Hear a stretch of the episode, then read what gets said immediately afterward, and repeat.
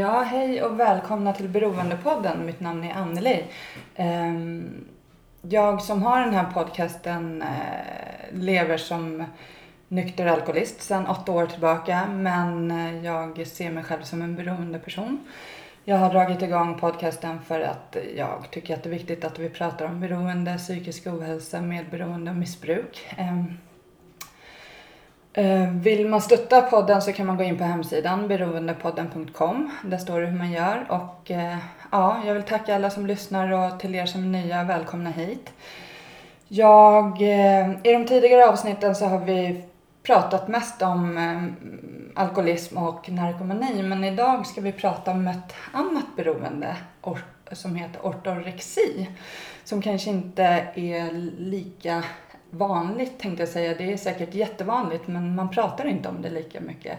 Och eh, dagens gäst har skrivit en bok om ortorexi som heter Jag är sjuk. Så nu vill jag välkomna Lisa Jessi. Ja, precis. ja. Hej och välkommen hit. Tack så mycket. Um, jag, um, ja, jag är jätteglad att du är här. Tacksam, verkligen. Jag har uh, lyssnat på din bok. Jag tänkte säga läst, men jag har inte läst den. Jag har lyssnat. det går lika bra. Ja, det är superbra. Den finns eh, på Storytel. Mm. Jag vet inte, finns den på många ställen? Eller vad den ligger på Storytel och sen finns den ju att köpa som ljudbok också. Då kan man ju ha den olika, på olika apparater. Mm. Och eh, den släpptes för ett och ett halvt år sedan ungefär. Ja. Mm.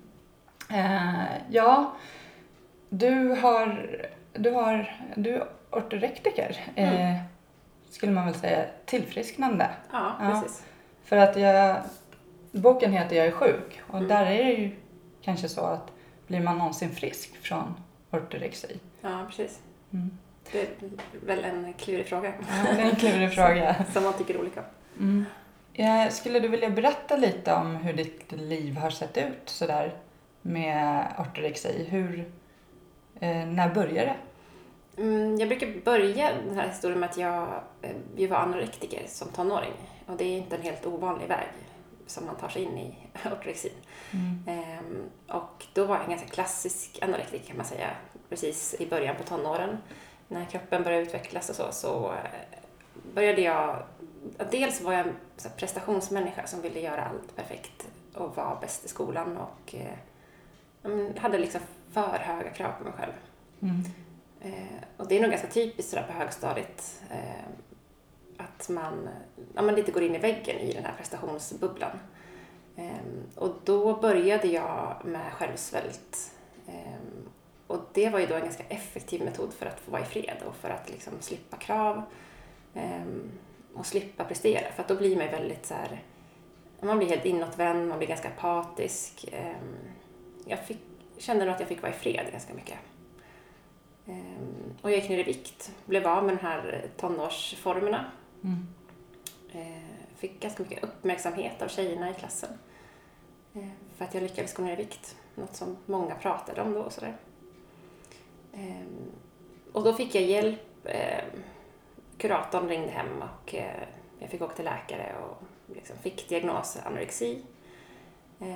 Och så fick jag liksom, jag fick gå till en psykolog några gånger och sådär. Eh, men alltså, det var inte jättesvårt för mig att förstå hur jag skulle, vad jag skulle säga till läkarna för att bli friskförklarad. Så jag sa att jag åt mycket bättre och att jag förstod att det var viktigt att äta och att, eh, ja, men, att jag hade bättre tankar om mig själv och sådär. Ehm, så jag kom tillbaka till läkaren och berättade eh, fantastiska saker om mig själv mm. och jag blev friskförklarad. Och då insåg jag att det är inte så enkelt som att jag bara kan svälta mig själv för det kommer märkas. Ehm, så då slog det över i någon slags allmän ätstörning åt olika håll. Lite bulimi, lite liksom, lite ja, men att jag höll på med maten och manipulerade med den på olika sätt. Liksom. Ehm, och det höll jag på med tills, från 14 till jag var 19 eh, tror jag. Mm. Och jag tror att liksom, människor omkring mig då, de skulle nog inte säga så här i efterhand att de kommer ihåg jättemycket av att det var problem med mat under den perioden. Utan för dem var jag nog frisk då. Ehm, men sen då när jag skulle flytta hemifrån, då brakade det lös igen för då hade ju jag all tid jag ville. Jag bestämde vad jag skulle äta. Jag hade liksom kontrollen över mitt liv. Mm. Ehm, och då blev jag jättedålig anorexi igen. Ehm, och då blev jag, eller då fick jag ju behandling, ehm, ja men mer liksom djupgående behandling kan man säga. Eller mer seriöst. Men var det du som bad om behandling då? Nej, det var i samråd med min nuvarande man. Mm. För att eh, då var jag helt eh, icke-fungerande. Jag blev sjukskriven, jag var bara inlåst i min lägenhet. Mm. Man fick liksom inte ta in någon mat till mig. Då hade jag ju så här vanföreställningar att fett kom in genom huden och Mm. jag blev helt knäpp. Liksom. Ehm, och det orkade ju inte jag heller. Man blir ju helt färdig av en sån sjukdom. Ehm, så det var jag nog ganska med på att jag ville. Mm. Då gick jag den behandlingen ett halvår. Eh, som var så dagbehandling typ. Mm. Ehm, Då fick man lära sig äta, man skulle vila efter maten, eh, man fick gå och handla, lära sig laga mat. Så. Och fick träffa någon typ beteendevetare eller psykolog lite grann sådär. Men det där gick ju aldrig på djupet på något vis heller.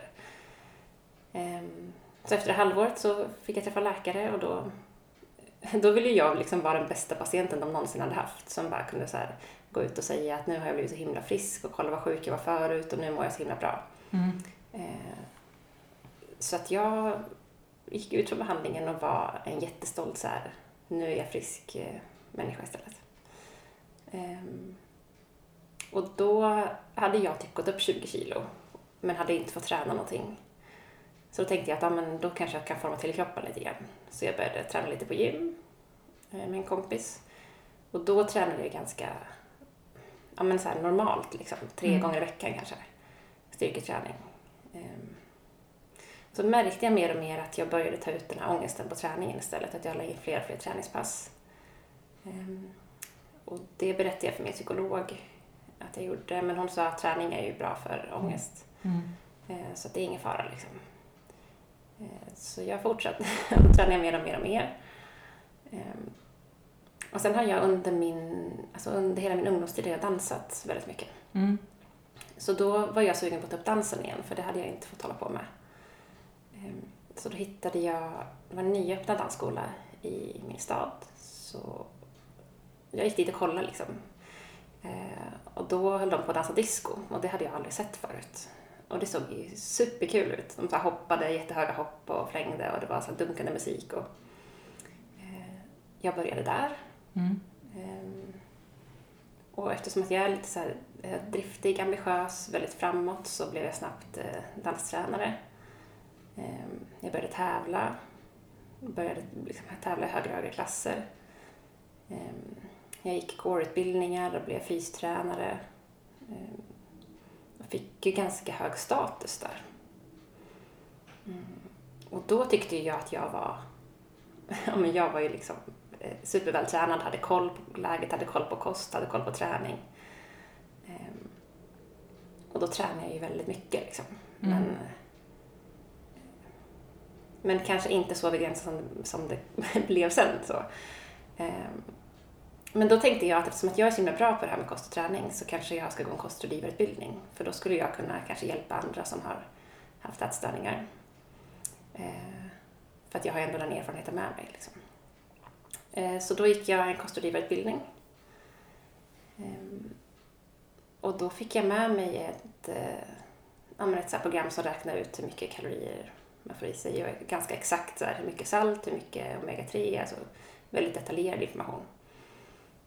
Ehm, Och så öppnade jag eget företag. Så då hade jag ju, alltså jag rådde ju helt över min tid. Mm. Jag hade en lokal i samma lokal som dansskolan. Så då var ju min tid öppen för vad jag ville. Ehm, och jag började ta emot lite kunder och sådär, men mest av allt så la jag den tiden på att göra kostprogram för mig själv och lägga in mina egna, vad jag åt och göra tabeller på det. Mm. Och det var liksom på våren. Ehm, och sen den sommaren, eller efter den sommaren så visste jag att vi skulle åka på ett EM och ett VM. Och då bestämde jag mig för att jag skulle bli mest vältränad. Och jag tyckte att jag hade superkoll på läget. Mm. Jag hade kostrådgivarutbildning, jag var duktig på träning. Ehm, Så jag började träna mer och mer och mer. Och då eskalerade det snabbt och började äta mindre och mindre mat. Eller mer vad jag tyckte var så här hälsosam mat. Det Mm. blev ju typ bara protein till slut. Hur, vad åt du på en dag? Hur såg det ut? Ehm, Alltså det, det dalade ju ganska snabbt. Men från början så handlade det om att jag kanske valde ut en bättre form av kolhydrater. Eh, och sen så tyckte jag att jag gick inte ner tillräckligt mycket vikt av det och jag blev inte tillräckligt vältränad, fick inte tillräckligt mycket muskler så då plockade jag bort de kolhydraterna. Eh, och sen tyckte jag inte att jag fick tillräckligt bra resultat så då ändrade jag formen av protein. Eh, så det blev ju liksom att jag åt så här äggvita, eh, vitfisk, broccoli, Mm. ja, kvarg var inte så hett då, men det hade det varit om det var nu. Mm. Ehm, ja, men väldigt så här extremt. Liksom. Mm. Så lite energi som möjligt, men bli så pigg som möjligt på den energin som jag fick i mig. Jag åt väldigt så här strategiskt. När jag skulle träffa människor så åt jag liksom ett äpple precis innan jag skulle träffa dem. Så att jag var lite alert. Mm. Så. Ehm, och då gick ju hela min vakna tid ut på att planera eh, ja, men hur jag kunde springa till jobbet. För då kunde jag springa till dansskolan. Eller först skulle jag springa till gymmet och träna där och sen kunde jag eh, springa till ett annat gym för jag hade dubbla gymkort. Mm. Eh, så kunde jag springa till dansskolan och där kunde jag låsa in mig i en danssal och så kunde jag köra några timmar där och sen började mina dansklasser så där undervisade jag hela kvällen och sen kunde jag springa hem. Eh, och så fick jag planera liksom så att jag inte, så ingen var med mig hela dagen så att jag kunde liksom Eh, ja, men då kunde jag alltid säga att jag var åt på det stället jag var nyss. Mm. Och så åt jag något på vägen som jag hade valt istället. Och, eh, ja, men så väldigt strategiskt. Så det gick åt en hel del att ja, planera? hela min tillvaro Ja. gick åt det. Ja. Eh, och sen skulle vi åka på EM, eller VMet först. Och då var jag ju i risigt skick. Eh, men eftersom jag hade styrketränat så mycket innan, och det är ganska typiskt ortorexi, att man har kanske varit ganska vältränad. Mm. Och sen när man börjar deffa så hårt så tar det ett tag innan det syns liksom sådär extremt. Så då såg jag nog ganska normal ut då åkte på det här VMet. Men då hade jag tränat så hårt så att eh, då gjorde jag illa ryggen på VMet. Mm. Och då, då fick de ju liksom bära in mig i bussen och liksom, de fick hjälpa mig med kläderna, de här träningskläderna och liksom jag var helt insmord i liniment och värktabletter och så. Och så åkte jag den här bussen hem. Ehm, och när jag kom hem därifrån så märkte jag att det, alltså den här ryggskadan gjorde att jag tänkte att jag var nog för svag i ryggen. Så att jag behövde nog träna mer. Mm. Eh, Och då la jag på ännu mer träningspass, ehm, mindre mat. Ehm, Och sen åkte vi på ett EM. Och där, ja men då hade jag ju tränat liksom sju timmar om dagen. Eh, Och ätit liksom, ja men nej. Det är ju ingenting att äta äggvitor och liksom vit fisk. Ja. Mm. Ehm, Så då kollapsade jag liksom där. Då hade jag haft med mig egna så burkar med tonfisk och sånt. Så att jag aldrig behövde äta med de andra. Mm. Ehm, ja, Jag kollapsade efter att jag kom av tävlingsgolvet. Eh, Och då kom landslagsläkaren och fick ge dem smärtstillande. Och han ställde lite frågor om jag hade ätit verkligen. Och, så. Ehm, och vi kom tvåa på det där. Men jag kommer inte ihåg någonting av det för att jag låg, eller jag vet att jag låg liksom vid sidan om och att jag hörde i att de ropade upp oss att vi kom tvåa. Och en lagkompis satt bredvid mig. Eh, Sen blev jag inburen i bussen och åkte hem.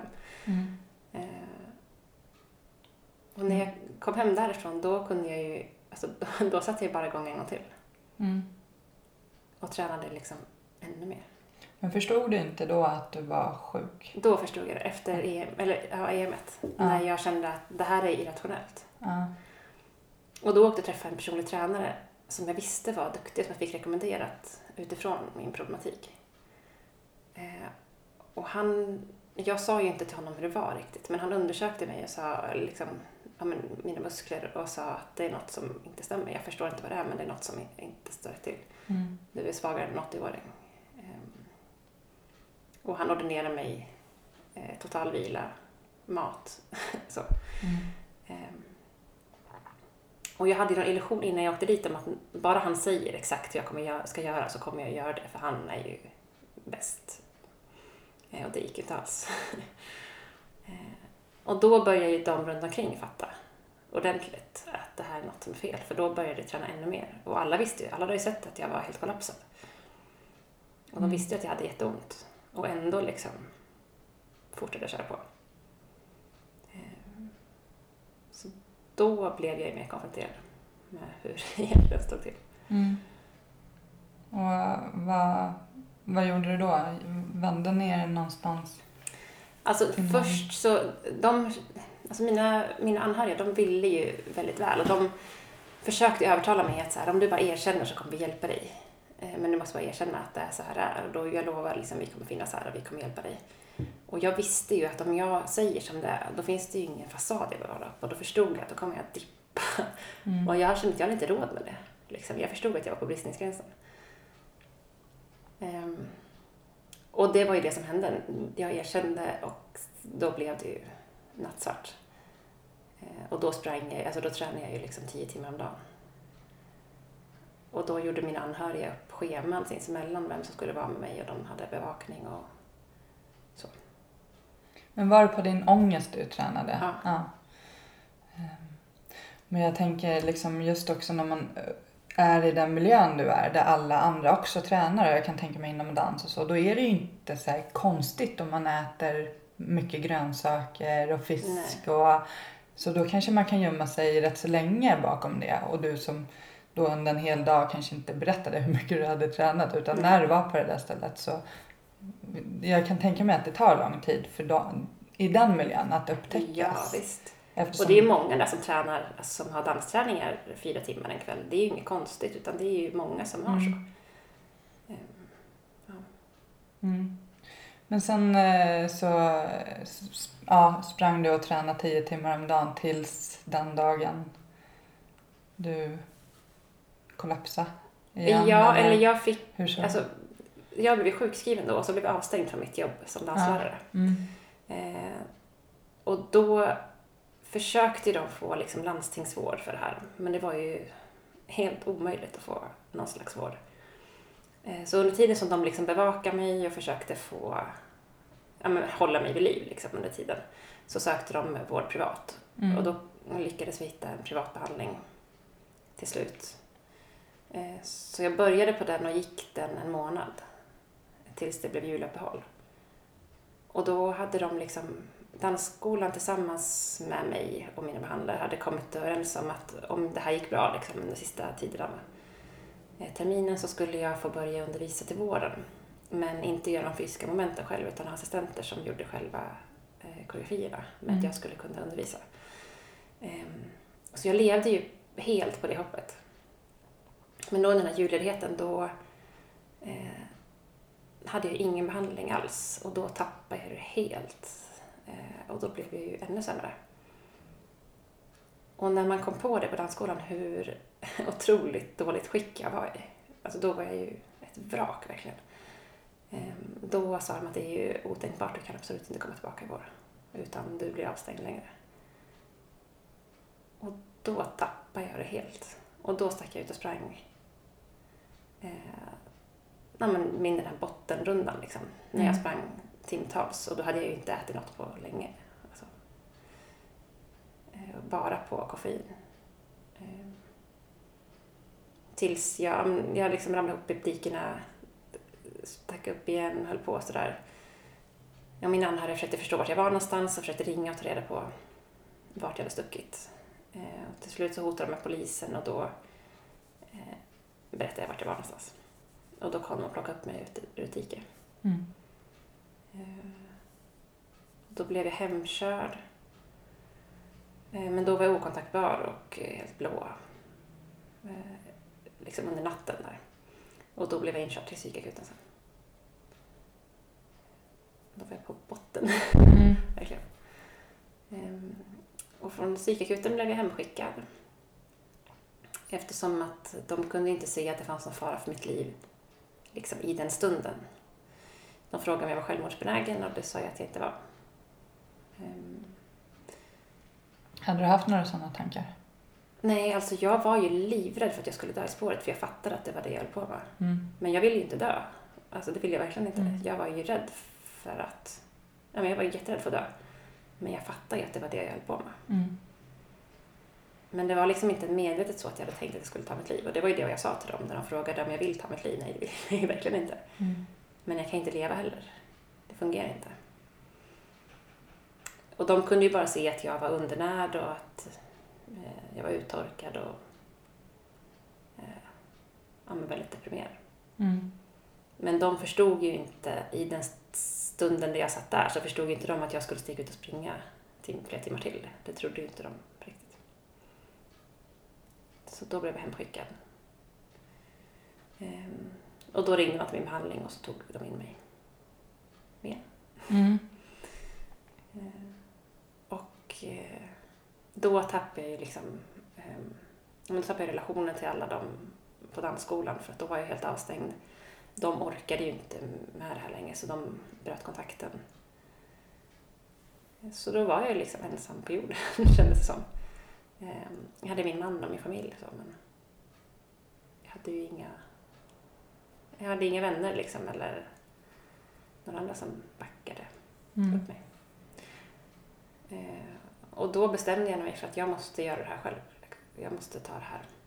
Jag måste ta det här beslutet och jag måste jobba för det här själv tillsammans med min man och bara stänga dörren till det andra så länge. Eh, och därifrån blev det bättre. Mm. Hur har du gjort för att ta dig ur det eller tillfriskna i det? Ehm, alltså, den här behandlingen som jag gick, den gick ju ett halvår ungefär bara. Mm. Eh, och den gick ut på att man fick personlig träning tillsammans med, eh, det är bara elitidrottare som jobbar på den, Mm. eh, det stället. Just för att man som atletiker ska kunna ta till sig de råden. För de här tidiga behandlingarna jag har gått, då har det ju varit liksom medelålders kvinnor som inte har kunnat något om träning. De kan nästan ingenting om kost heller. Och det är väldigt svårt om man är så här, kostrådgivare, har koll på väldigt mycket, och dels om träning och om mat, och lyssna på en person som säger att risifrutt är jättebra, ät mycket risifrutt. Mm. Så tänker man ju bara så här, du snackar skit, jag tänker inte lyssna på ett ord vad du säger. Mm. Men det här var ju riktigt vältränade människor som, jag, som visste mer än jag. Mm. Så då fick jag först träna med dem, eh, men jag hade träningsförbud hemma. Eh, och så fick jag träffa en dietist som hade upp en kostplan man tog ett litet steg i taget som vi kom överens om. Eh, Mm. Det var liksom inte så här, nu ska du äta så här, utan vad är nästa steg? Och, och så försökte hon motivera varför det kunde vara bra och sådär. Eh, och sen träffade jag min psykolog som är räddningen för mig. Mm. Ehm, Så jag gick på den behandlingen ett halvår och sen avslutade jag där eh, och slut, fortsatte bara som psykolog. Mm. Och där har jag varit sedan dess. Men hur, hur har det sett ut nu de här åren som du tog behandlingen? Och hur lång tid är det? Det jag måste åtta år sedan kanske. Ja, och jag tänker på att boken heter Jag är sjuk och ehm, hur ser livet ut? Går det upp och ner liksom? Det går upp och ner och det går olika mycket upp och ner. I början gick det ju, alltså var det ju otroligt svajigt. Mm. Eh, Och som tur var så hade jag ju en psykolog som, ja, men som inte hade så mycket starka känslor kring det. Det var inte så att jag kom dit och hade tränat fast jag inte skulle och var så här ångestfylld och att hon blev upprörd. Utan hon sa att det är liksom, det här är en bit av att bli frisk. Mm. Man faller och så får man bara ta tag i det igen och så faller man och så får man ta tag i det igen. Ehm, och så har det ju verkligen varit. Nu blir inte fallen lika höga Mm. längre. Ehm, Men det blev ju, jag tror att, ja men som för mina anhöriga så blev det nästan att jag blev sjukare när jag började behandlingen. För då började jag plötsligt prata om det här som jag aldrig hade sagt. Mm. Eh, och många tyckte att jag var väldigt så här, destruktiv och att, jag var, att det var obehagligt. För att jag sa vad jag tänkte och inte bara tänkte saker. Mm. Ja, men så det var väldigt, dels har jag varit väldigt svajig hela vägen. Mm. Eh, och beroende på vad som händer i livet och så, så går det olika bra. Och sen har ju de svajat efter, för de har ju inte fått någon behandling, utan de eh, liksom slänger ju bara med i det här och försöker Ja. hinna ikapp. Och de är ju någonstans där vi var när jag var som sjukast. Mm. De De ska de förhålla sig till att jag på något sätt har tagit ansvar för det här själv, men samtidigt blir jag också dålig i perioder. Eh, och vems ansvar och det här liksom medberoendet som följer Mm. med. Och det finns ju, alltså som medberoende så måste man ju eh, ta hand om sig själv också. Och Mm. om man ska kunna stötta den som är aktiv i ett beroende så måste man ju tänka mycket på sig själv och där finns det ju också väldigt mycket hjälp att få. Mm. Eh, faktiskt. Jag, ja. Men jag tänker, eh, oj, oj, helt plötsligt har jag massa frågor känner jag. Eh, hittar en ny, något nytt, eh, ny besatthet eller vad man ska säga efter träningen, typ jobb eller eh, för det är ju lätt att man byter liksom. Ja, alltså i perioder så kan jag ju skifta till att jag jobbar mycket. Mm. Ehm, Men det tar aldrig över så mycket som träningen gör. Mm. Och sen är det ju lurigt med mitt beroende eftersom att alltså vissa gånger skulle jag önska att jag skulle kunna ha ett sånt där beroende som man kunde stänga dörren helt till. Mm. Mm. Att jag aldrig skulle behöva träna eller äta någonting Mm. någonsin. Att jag bara fick stänga. Mm. Och så visste jag att om jag hade ätit någonting, då var det en sak jag inte skulle göra. Men jag måste ju förhålla mig till det här varenda dag. Så här, är det här bra? Eller ska jag inte äta det här? Eller ska jag äta det här? Mm. Är det bra att jag går och tar en fika nu? Eller gör jag det för att jag ska visa upp hur himla frisk jag är? Ehm. Och det är ju superknöligt. Mm. Absolut. Du, eh, du har ju ett av de tuffaste beroendena när det, kommer, när, när det handlar om mat och träning. För det är två grejer som vi behöver. Mm. Alltså vi behöver ju röra på oss för Mm. att eh, må bra och inte gå sönder. Och Mm. endorfiner är bra och mat måste vi äta. Så det är som jag som säger att min huvuddrog är al- alkohol. Jag kunde ju sluta med alkoholen. Mm. Jag behöver aldrig någonsin mer dricka det men du måste ju fortsätta leva Mm. ett liv med mat och träning liksom.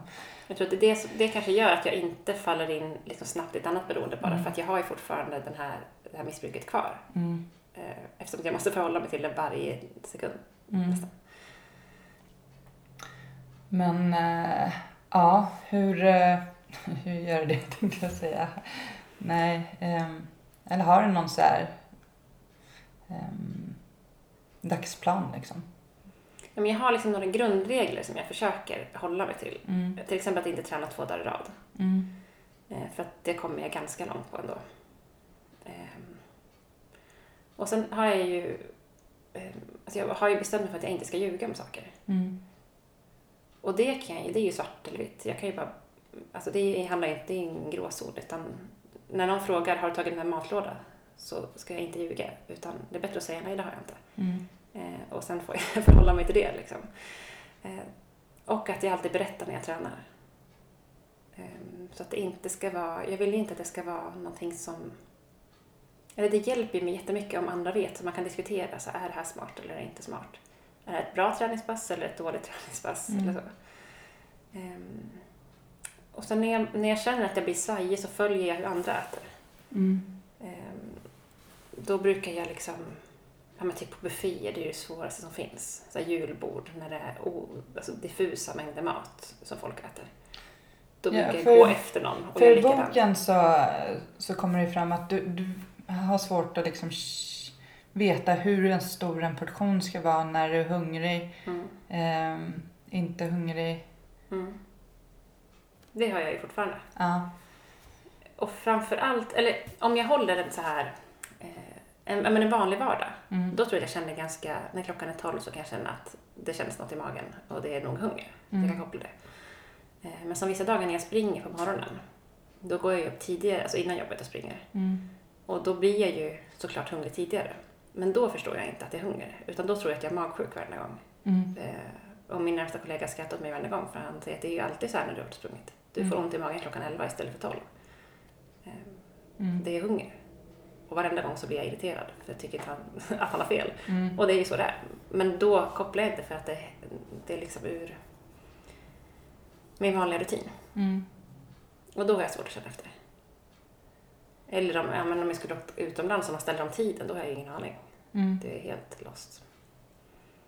Mm. Ehm.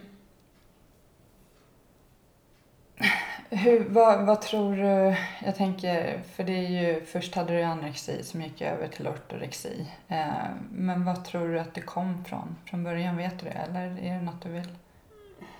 Alltså jag tror att jag har prestationskrav på mig själv. Jag har ju ett nollvärde på mig själv. Om Mm. jag inte presterar någonting, då är jag ingenting. Mm. Ehm, och det tror jag anorexin handlar om också, att liksom gömma sig från prestationen. Medan ortorexin är ju prestation. Det är ju bara att vara Mm. en prestationsmänniska. Ehm, så det är nog... det handlar mycket om det här att få, att liksom, att få existera, att kunna prestera för att få existera. Mm. Jag har funderat mycket på om jag skulle kunna ha, alltså hade det kunnat vara någon annan drog? Eller är det liksom mat och träning? Eh, och jag tror att det behöver vara någonting som är prestationshöjande i sådana fall. För att det är ju när jag inte presterar som jag mår som sämst och det är då jag blir som, som sämst. Mm. Så det har ingenting med att göra med det där att jag liksom att jag måste prestera saker för att få existera. Mm. Och att jag inte är värd någonting. Alltså jag är inte värd mat eller vila om jag inte har gjort något bra innan. Mm. Jag pratar mycket om självkänsla i andra avsnitt för att jag tror att självkänslan är, eller det är en jättestor del till varför många eh, missbrukar. Mm. För just det här som du säger, liksom att duga, prestera och att vara vara någon. Att, Mm. liksom sådär.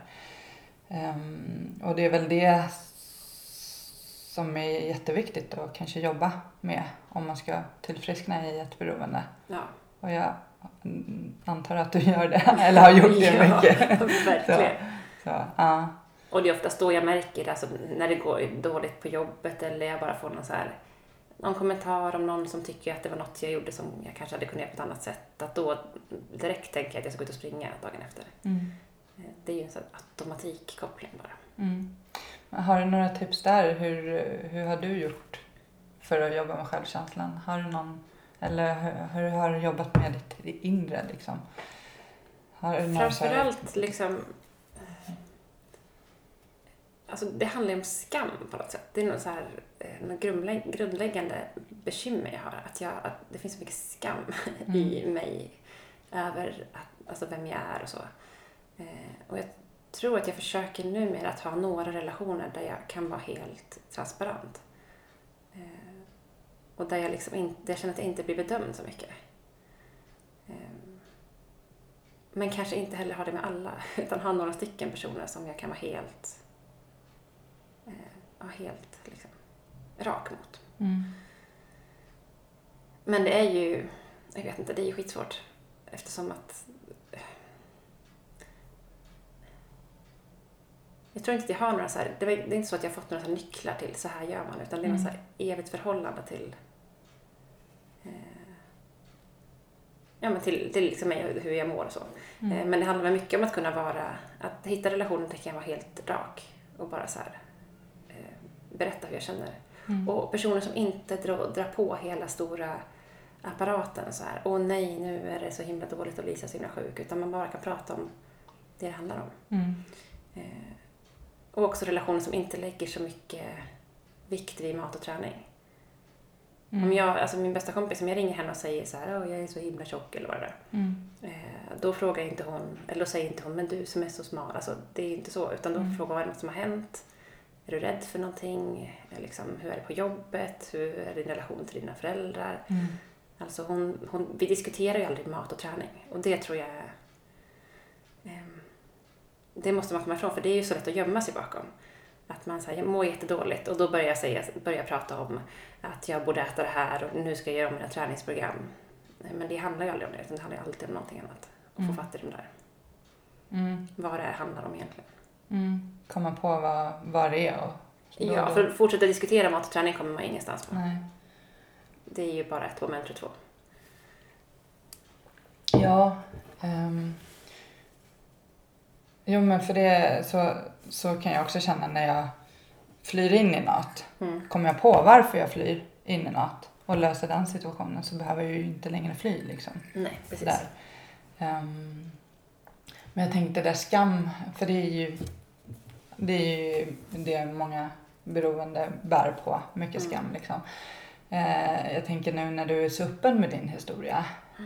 Jag vet hur det är för mig, att ju mer öppen jag har varit så här utåt och kunna hjälpa andra genom min historia så ju, ju mindre har min egen skam blivit, Mm. känner jag. Mm.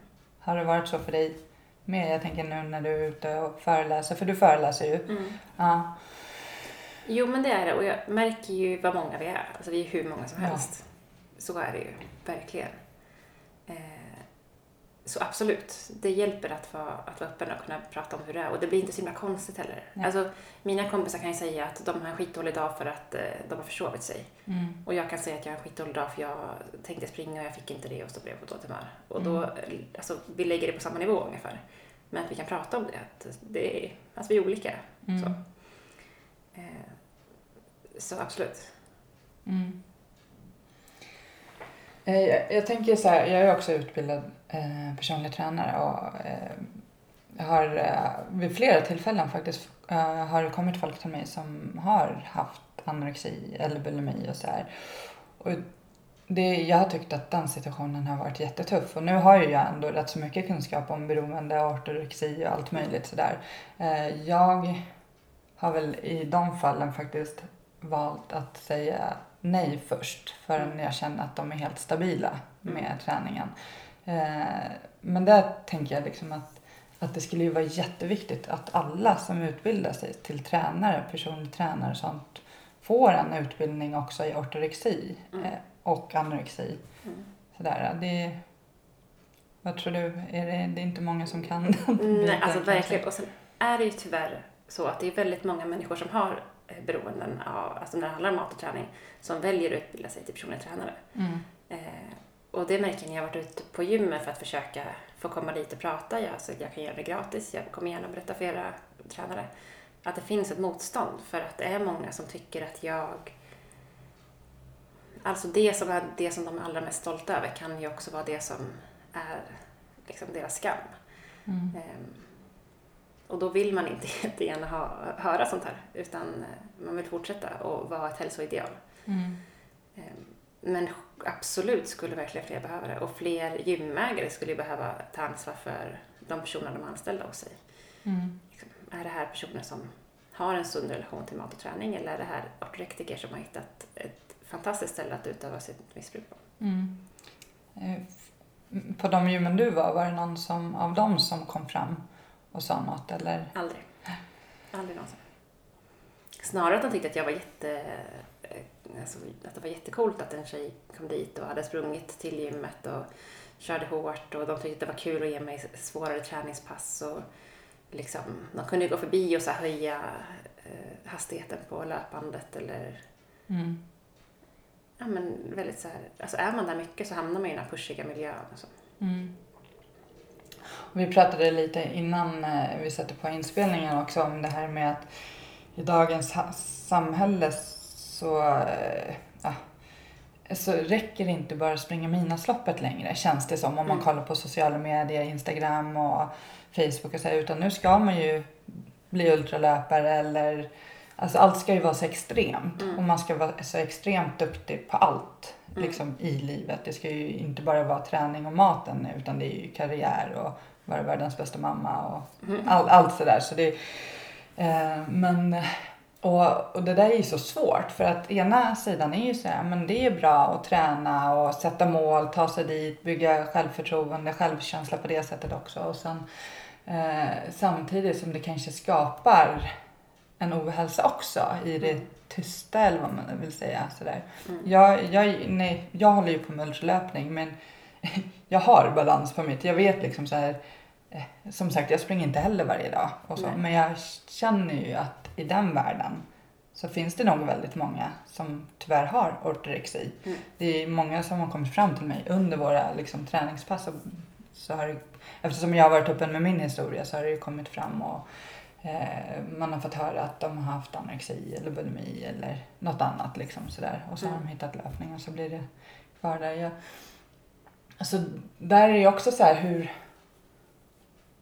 hur ska man få ha, alltså hur ska samhället vara? Alltså, det, det kanske inte du kan svara på, jag kan inte svara på det. Men, men det är liksom, å ena sidan då ska man ju vara den där människan. Mm. Å andra sidan så kanske det inte är så superhälsosamt. Och, Nej, men jag tänker att det, det är lite, lite lika som- jag tänker att det är med alkohol. Att det kan ju vara... Eh, det finns ju någon gräns där man börjar reagera liksom, Mm. när någon tränar alldeles för mycket. Eh, och det är klart att det, det är ju väldigt privat att gå på någons kost och träning. Men det är ju märkligt att man inte skulle kunna göra det på samma sätt som att man frågar någon som dricker mycket eller gör något annat liksom, väldigt mycket. Att man börjar ställa frågor om hur mår du egentligen? Liksom. Jag ser det här, jag blir orolig. Ehm, och en människa vars liv, hela liv liksom upptas av att den ska äta och träna på ett visst sätt. Den kan inte gå på middagar, den kommer inte på några födelsedagskalas. Eh, liksom, relationerna förstörs, allt det traditionella som är med missbruk. Där måste man kunna börja ställa frågor oavsett vad det är för, för typ av missbruk. Mm. Um, men det är ju svårt, alltså, och det är därför det blir så svårt att... Alltså jag har inte haft några andra missbruk så, men jag, kan, jag känner ju att det här, alltså, de människorna som har ortorexi står ju väldigt högt upp på samhällsstegen. Mm. Alltså det är ju de människorna som alla ser upp till. Mm. Och att stå där uppe och sen säga att just det här som ni beundrar mig så himla mycket för, min karaktär och att jag, alltså jag tackar alltid nej till kakorna, jag springer alltid varje morgon. Att säga att det är sjukt mm. är ju supersvårt. Det är ju så få människor som vill det. För de tappar hela ansiktet.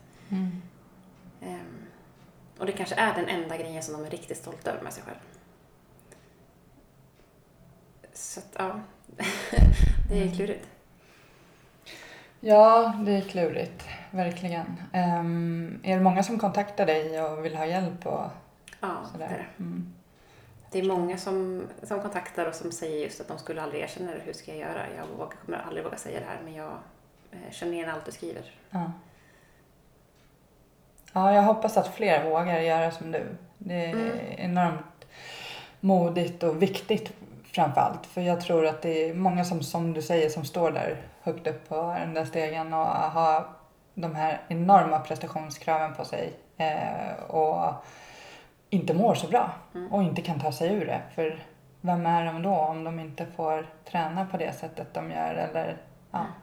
Så men eh, vart ska man vända sig tycker du? Har du något? Det är ju lite klurigt när det gäller anorexi eftersom det inte finns någon diagnos. Nej. Um, och så är det fortfarande när jag kommer till läkare, att jag får ju beskriva min sjukdom och ändå så vet de inte riktigt vad det är. Mm. För de flesta skadorna som jag har är ju förknippade med min sjukdom.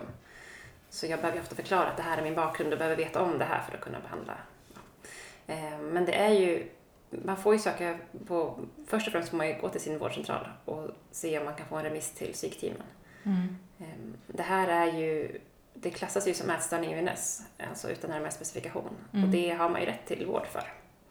Oavsett om ortorexin har en fast diagnos, så mår man så dåligt att hela ens eh, liv och relationer påverkas så har man ju rätt till vård. Mm. Eh, så det är egentligen att försöka söka de psykiatriska mottagningarna, eller så får man eh, hitta privata alternativ. Mm. Men det kostar ju pengar. Mm. Och det är ju, det här är någonting man behöver hålla på och jobba med under lång tid. Och det är kanske lite kruxigt när man kommer till landstinget för då kan man ofta få tio gånger hos en psykolog och det kommer man ju inte sådär jättelångt på. Mm. Eh, men Frisk och Fri som ätstörning, eller organisationen för ätstörningar har ju ganska många på sin hemsida liksom, eh, ja, men adresser till vart man kan vända sig. Mm. Eh, det finns på jagsjuk.se också. Mm. Vad bra. Så att man vet vart man kan gå in och kolla. Jag har även på beroendepodden.com en eh, sida som heter Hjälp att få. Där finns också lite olika länkar. Dels till eh, Frisk och Fri. Um, och så här, om man har ett beroende så har jag lagt lite länkar vart man kan vända sig. Uh, men eh, är det något du skulle vilja eh, ge några råd eller tips vad...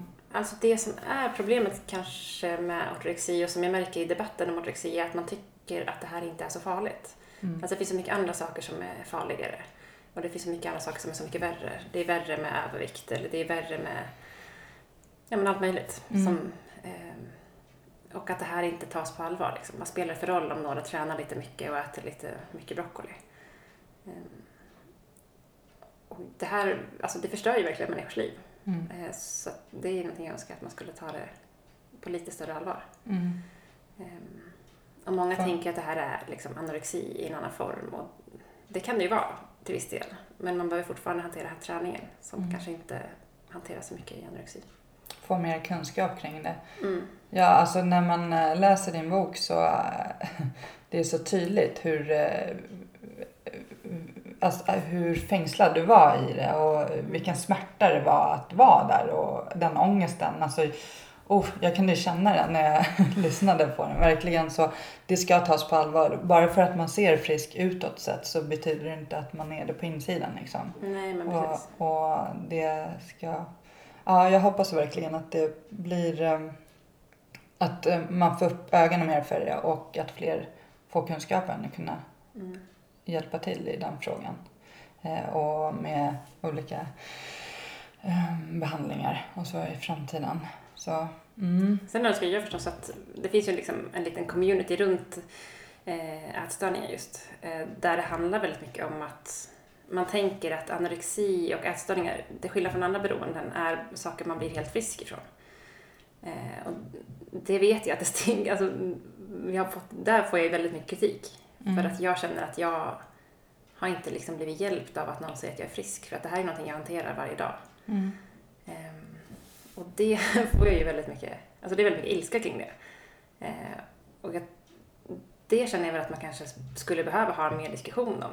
Eh, jag träffade personer som jobbar just med andra beroenden som Mm. just säger att det här är, ju- ligger väldigt likt ja, men alkoholism eller liksom andra beroenden också. Mm. Och där säger man ju inte att en alkoholist blir frisk och sen var det klart med det. Liksom. Mm. Eh, och där gör man ju ganska stor skillnad mellan beroenden som handlar om mat och Mm. andra missbruk.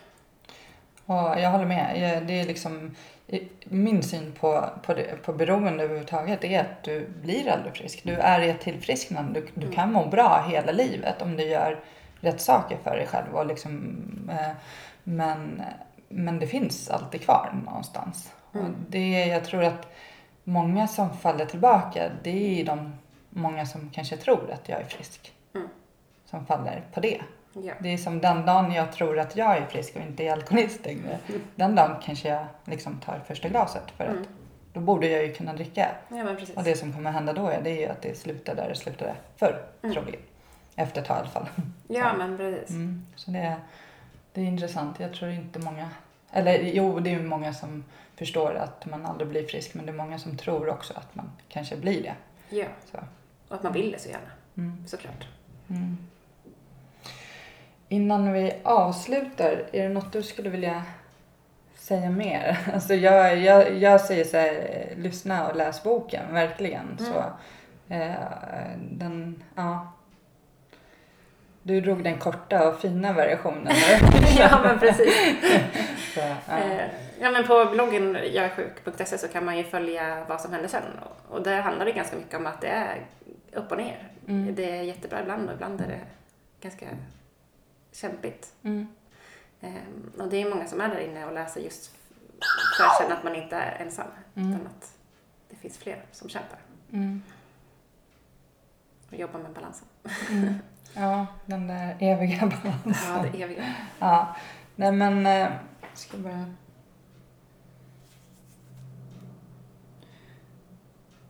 Ja, nej men jag tror att vi avrundar där och jag är Mm. jätteglad att du kom, verkligen. Och önskar dig all lycka till. Och om man vill anlita dig som föreläsare så då kan man också gå in på din Ja, hemsida bara. Jagsjuk.se. Mm. Så. Hittar man mig där. Ja, men tack så jättemycket att du kom då. Ja, tack så mycket för att jag fick komma.